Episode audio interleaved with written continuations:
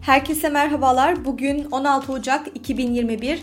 Türkiye'miz ve dünya için güzel bir hafta sonu olsun diyelim ve dünya tarihinde bugün neler yaşanmış hep birlikte bir göz atalım. 1547. Korkunç Ivan lakaplı Rus çarı 4. Ivan tahta geçti. 1556.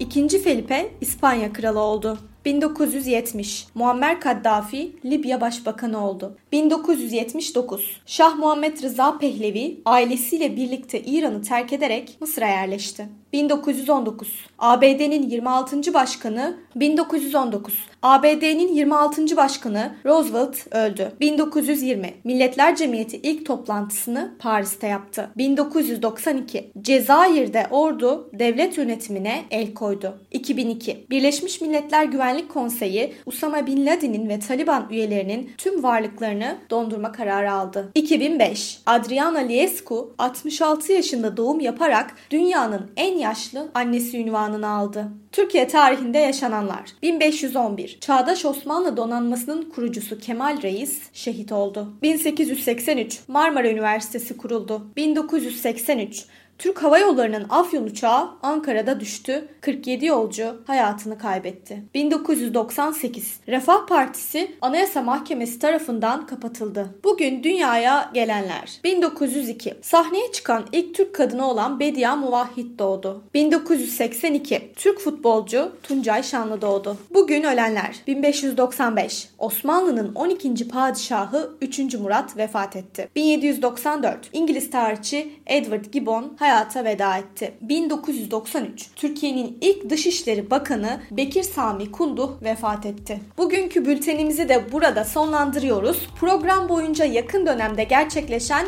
önemli gelişmeleri ele almaya çalıştık. Yarın da tarihte neler olduğunu merak ediyorsanız bizi dinlemeyi unutmayın. Yarın görüşmek üzere.